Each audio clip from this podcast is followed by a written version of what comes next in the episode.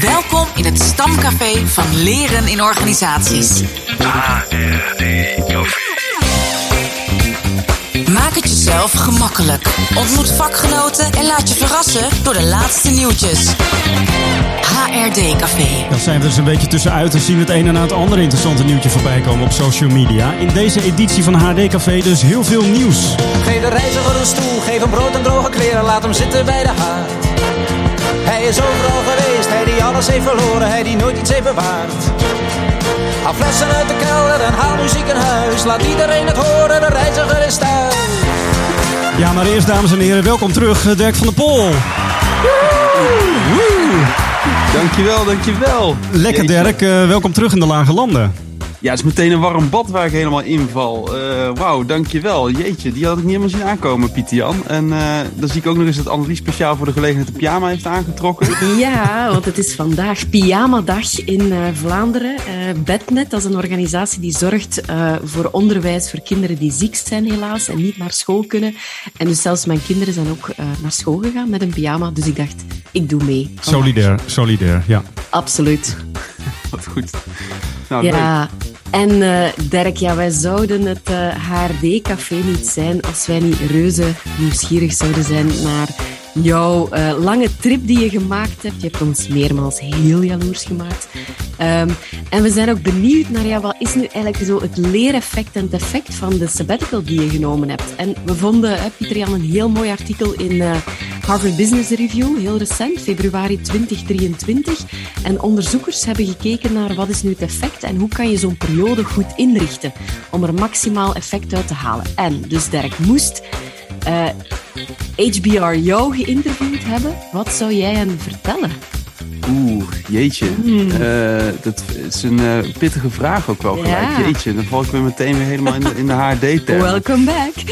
Ja, nou, ehm, eh, wat zou ik dan... Nou, dus even gevoelsmatig. eh, het feit dat je even drie maanden weg bent uit de context waarin je normaal elke dag zit, dat is super verfrissend. Eh, en dat leidt echt tot... ehm, ja, tot de... Nou, ik, laat ik zo zeggen, toen ik terugkwam en ik was aan het hardlopen hier in Nijmegen langs de Waalbrug, toen keek ik uit over de Waal en toen dacht ik, wauw, wat is dit een prachtige plek. Waarmee ik eigenlijk een beetje wil illustreren dat als je even weg bent van de plek waar je opgegroeid bent of waar je altijd zit, eh, dat je weer met andere ogen kijkt naar waar je eh, nou, vandaan komt. En dan ondertussen ook nog eens verrijkt bent met allerlei inzichten. Dus ja, ik geniet er gewoon heel erg van om te leren van andere culturen. Eh, en ehm, ik moet ook wel even denken aan wat nou echt wel heel verfrissend was. Door Nepal te wandelen en te hiken door de bergen tot 5416 meter hoogte. Waar ik overigens echt helemaal stuk ging, dat laatste stuk. Maar eh, het was echt door zo'n nieuwe ervaring op te doen. Wat ik in het dagelijks leven normaal nooit doe. Eh, ja, dat maakt je een eh, rijke mens of zo. Dus, eh, en waarbij ik ook nog even wil toevoegen als eh, ja, leereffect of zo. Ehm, dat is een quote, dat heb ik gelezen uit het boek van Paolo Cognetti. Dus ehm, die, dat is iemand De die acht heel erg... Ja, het is een ander boek dan de Acht. Bergen. Ehm, maar in dat boek beschrijft hij zoiets dat, zeg maar, dat hiken elke dag, dus wij deden dat 20 dagen, eh, reduceert het leven tot de essentie. Namelijk lopen, eh, eten, slapen en mensen ontmoeten. En dat was het ook precies. Dus, nou ja, goed, ik, ik weet niet of het helemaal antwoord geeft, maar het zijn zo'n eerste dingen eh, die in mij opkomen als je die vraag stelt. Hey Dirk, tijdens de vorige editie van HD Café hadden we Paul Keursten. Die zei dat, dat leren zeg maar, niet alleen door onze opvattingen eh, verandert. Of, eh, of dat ons gedrag niet alleen door onze opvattingen verandert. Maar soms ook je opvattingen door je gedrag. Maar ik was wel benieuwd, je noemt al een aantal dingen. Anders kijken naar de wereld, anders kijken hoe je terugkomt. Maar is er in jouw opvattingen of gedrag ook, ook iets veranderd zo na deze weken? Of kan je dat nu nog, nog niet zeggen? Eh, is misschien nog wat pril, maar ehm, nou ja, je merkt wel eh, als je drie verschillende landen bezoekt in drie maanden tijd en daar echt de tijd voor neemt en veel met locals praat, eh, ja, dan leer je gewoon automatisch een stukje van de wereld kennen. En ik heb soms wel eens de opvatting, maar dat, dat, dat ehm, ik heb het idee dat op het moment dat je even echt uitgedaagd wordt om in een andere omgeving te zijn, dat je nieuwsgierigheid ook veel meer geprikkeld wordt.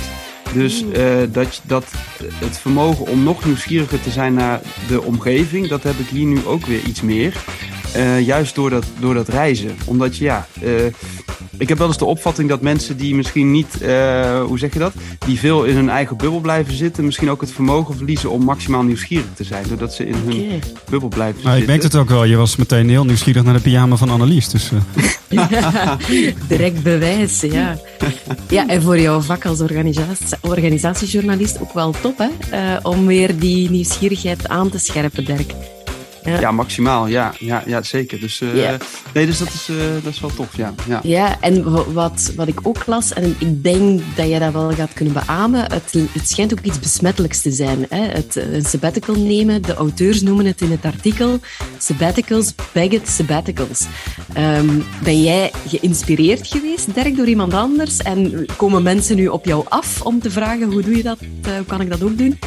Ja, je deelt wel eens wat via de Instagram. Je hebt het natuurlijk ook allemaal kunnen volgen op de foto's en zo. Ja. En eh, ja, dus je merkt wel dat mensen zeggen: Wauw, wat een mooie omgeving zit je nu weer. En eh, dus mensen komen dan wel van: eh, Oh, kun je al die tips voor mij verzamelen voor als ik een keer op reis wil, weet je wel. Dus dat, je wordt wel een beetje dan gezien op dat, op dat feit. Maar wat ik wel trouwens wel had, dat, dat vergeet ik nog helemaal te zeggen. Ja. Ik, ik, ik ving het gisteren op. Ja, dan kom je zo weer terug in die Nederlandse context. En dan vallen me een aantal dingen op. Namelijk, één, dat mensen best wel veel in hun hoofd zitten. Eh, hè, dus dan heb je een gesprek met een potentiële opdrachtgever. En dan gaat het al heel snel over de opdracht zelf. En dan denk ik even, wow, maar zullen we eerst eens even kennis maken? Want ik weet helemaal niet wie jij bent. En dat vond ik een hele grappige. En dat het ook meteen maar gaat over de prijs van de kaas in de Albert Heijn en zo. Dat zijn dan wel conversaties die ik niet echt gemist heb op reis. Eh, maar goed. ja, maar die eh, prijs is ook wel echt heel erg toegenomen. Dus eh, Ja.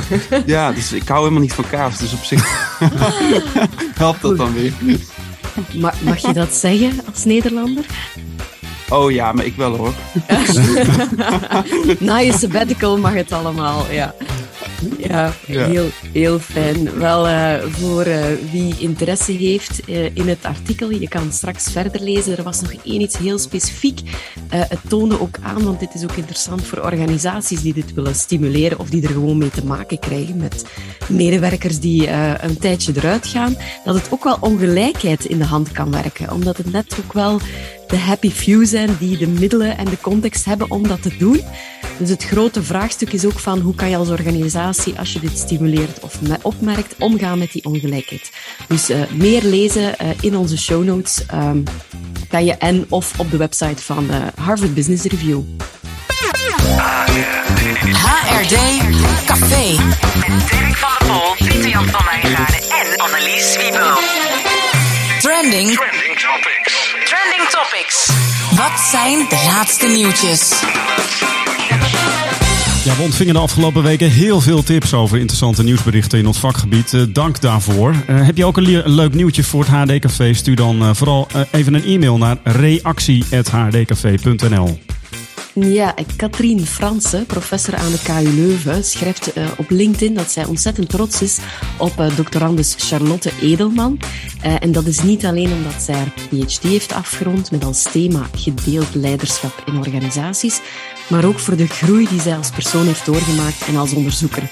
Eh, van harte gefeliciteerd Charlotte met de mijlpaal. Wij waren ook super benieuwd eh, naar haar inzichten en wij konden haar al spreken. Volgende week hoor je Charlotte zelf in het HRD-café. Wat een mooie eh, sneak preview. Ja, leuk. Eh, leuk, ja. Ehm, op 18 april aanstaande vindt het Next Learning Event plaats in Den Bosch. En dat event draait om het eh, ervaren, ontdekken, ontmoeten en verbinden. En dit jaar gaat het over leren dat doet ertoe. Of dat ertoe doet, sorry. Het programma is ontworpen vol nieuwe werkvormen, gericht op leren door te doen en samen te leren. Het programma is te bekijken via nextlearning.nl. zoals je het schrijft. Er is een playground, mooi Engels woord trouwens, eh, met aandacht voor eh, virtual reality, serious gaming en er is ook de mogelijkheid om jezelf in een hologram te bewonderen. Jeetje, Pieter Jan, als je jou toch eens in een hologram zou bewonderen, hoe zou dat dan je gaat jezelf in een hologram bewonderen. Ja, dus misschien, eh, misschien wel in een pyjama, Dirk. Ja. Dan zomaar. Ja, dan wil ik wel die pyjama, Annelies trouwens. Ja, is heel Ehm, mooi. Hè? Verder zijn er keynotes van Lauren Razavi. Zij is digital nomad en expert future of work. En Ray Klaasens, die je misschien ook wel kent als de hoofdinstructeur van Kamp van Koningsbrugge. En voormalig leider van de Special Forces. Een luistertip is de podcast van eh, Michiel de Hoog. Hij is sportjournalist van de correspondent. En die podcast gaat over natuurtalent. Hij haalt voorbeelden uit de sport en de muziek aan. En citeert ook wetenschappers zoals eh, Carol Dweck bijvoorbeeld over mindset.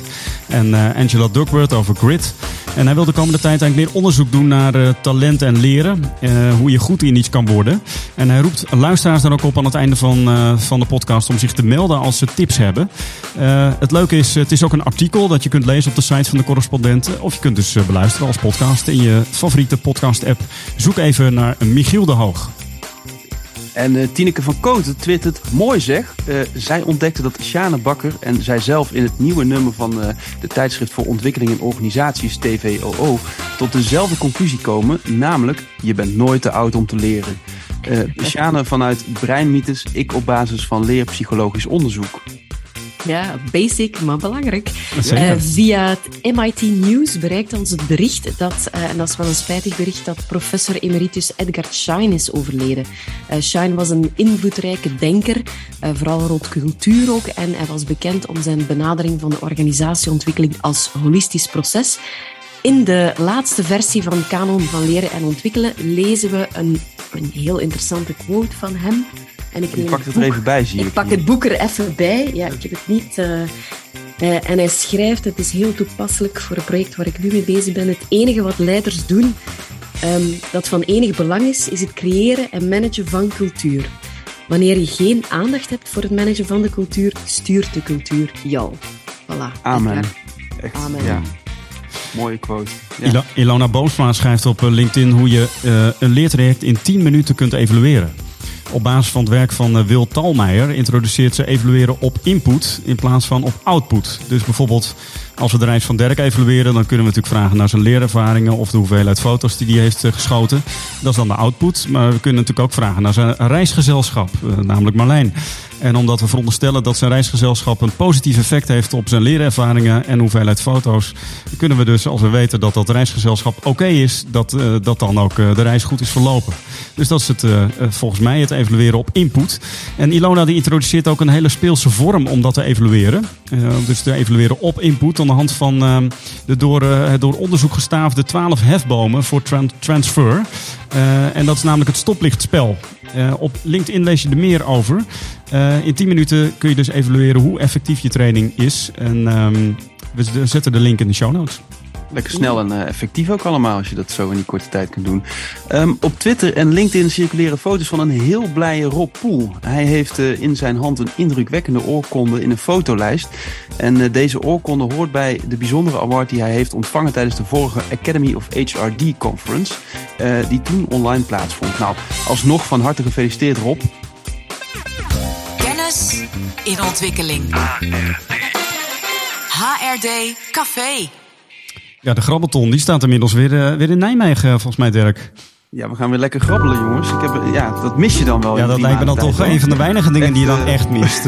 als je zo daar in Nepal on Zo- the top of the mountain je begeeft. Ja, en die beweging die, is zo, die zit er zo in. Dus dat grabbelen, dat doe ik dan zo in mijn gewoon, af en toe. tijdens het hiken doe je dat gewoon zo met je handen. Ja.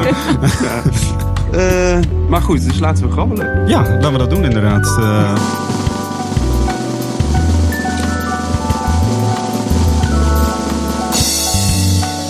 Nummer twee.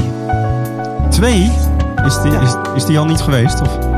Nee, maar kijk, dus ik heb zo'n dobbelsteen en die eh, geeft dan een cijfer aan en daar hoort dan weer een quote bij. En dat schuift altijd steeds door. Hè. Oh, jij Dus, doet met eh, een is dobbelsteen. een, eh, ja, Grabbelen met een dobbelsteen. grabbelen met een dobbelsteen. ja. Ah, Jeetje, wat dubbel op dit. wat, nou, oké, anyhow. Komt-ie. Er is nog een psychologisch effect dat leren in de weg kan staan. De vloek van kennis. The curse of knowledge. Dit effect kan ervoor zorgen dat je belemmerd wordt in het helpen van andere mensen die aan het leren zijn wat jij al geleerd hebt. De vloek van kennis houdt in dat je als je eenmaal beschikt over bepaalde kennis, je je niet goed meer kunt voorstellen hoe het was om die kennis niet te hebben. Hmm. Oh, Ach, dat is, eh, helder. de ja, vloek- de vloek van van wie is kennis. die? Ja, jij stak je vinger op, Annelies. Eh, heb jij een Nee, idee? ik moest denken aan het Dunner-Kruger-effect ook. Eh, maar dat is nog iets anders. En, het, eh, en het doet me vooral denken, als ik mijn kinderen help bij schoolwerk, dan heb ik hier last van. Dan heb je de last van de vloek van kennis, ja. Oh ja, Ja. hoe werkt dat dan? Ja, ik, ik, eh, eh, we hebben nu een mantra dat ons heel hard helpt. Deze week waren we geschiedenis aan het studeren en Nederlands. En dan moet ik me toch even in de plaats van hoe is het nu om niet te weten wat een bijvoeglijk uh, naamwoord is? Oh, maar jij, jij hebt dat ook echt, jij hebt dat ook echt allemaal onthouden. Ik ben het gewoon allemaal weer vergeten. Dus, uh, ja, ja. Dat komt wel heel snel terug. Waardoor je het ook niet meer goed kan uitleggen van wat is dit nu? Dus toch logisch wat het is. Hè? Ja, mijn en jou en zo van die dingen. Maar zwart, uh, van wie zou dit kunnen zijn? Het doet mij denken aan iets van een, misschien een leerpsychologisch uh, boek, uh, Dirk, waarin het gaat over punten, op, opvattingen over kennis. zeg maar dat je, dat je juist soms ook vragen moet stellen om de kennis bij de ander te en, te, te, ja, te expliciteren. Dus misschien iets van uh, Nonaka en Tagochi, of hoe heet die uh, Japanners? Of, of, uh, of impliciete, expliciete kennis. Growth mindset. Ja, het gaat in ieder geval, nou dat, dat raakt er allemaal wel aan. Dus, dus het hoofdstuk zelf heet jezelf niet overschatten. Sowieso, dat is altijd goed om te doen, denk ik, jezelf niet overschatten. Um, maar het, het, het, komt uit het boek Leren en presteren, hoe word je beter van Koert Visser. Oké, okay, wat Koert Visser met C, hè? Ja. ja uh, met een C, ja. Progressie. Niet Theo Visser, maar Koert Visser. Progressie uh, literatuur. Hartstikke leuk. Ja. ja. ja. Mooie quote. Wel uh, superleuk dat je weer luisterde naar ons HD-café. En uh, nog een tip, volg onze podcast uh, op Spotify of abonneer je via de Apple Podcast. Zo komen meer mensen op ons spoor. en Dirk, ja, het voelt helemaal als van ouds, hè, met jou er terug bij. Nou ja, dankjewel. Zo ervaar ik dat ook of zo. Leuk. en vergeet ons niet te volgen op Instagram, Apple Podcast of Spotify. En een enorme shout-out naar Delphine Dierkens.